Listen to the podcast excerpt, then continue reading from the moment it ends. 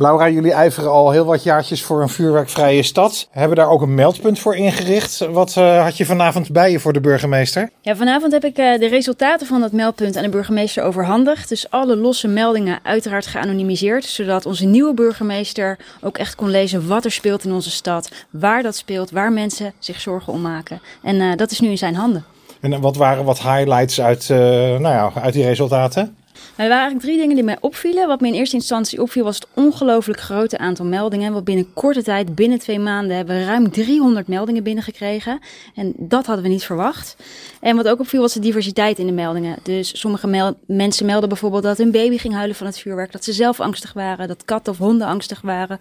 Vogels maar rond bleven vliegen. En wat ik ook echt opvallend vond was dat tot weken na oud en nieuw meldingen zijn gedaan van grote brokken vuurwerkafval. Die nog overal door de stad lagen. En tot slot, wat ook heel erg duidelijk werd uit de meldingen, is dat er wel degelijk echte hotspots in de stad zijn. En zo viel op dat in de Burggravenlaan heel veel meldingen zijn gedaan, maar ook in de Waard, het Schrijverspark, Meerburg, Slaagwijk, Beestenmarkt, Hogemors. Nou, werk aan de winkel. Nou, en eh, de, dit rapport valt geloof ik wel in vruchtbare aarde bij deze nieuwe burgemeester, hè? Ja, absoluut. Ik, uh, ik wist niet wat ik hoorde ere wie ere toekomt. En absoluut, vorige burgemeester Lemfrink heeft echt wel stappen gezet. Maar van ons mocht het een stuk harder. En we hoorden vanavond de nieuwe burgemeester zeggen dat hij dat eigenlijk ook wel vond. Dit zijn mijn woorden. Maar ik werd er ongelooflijk blij van. En hij wil ook echt uh, resultaat.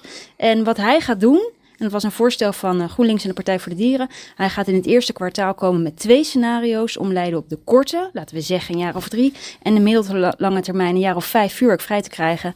En dat, uh, dat voorstel gaat naar de Raad.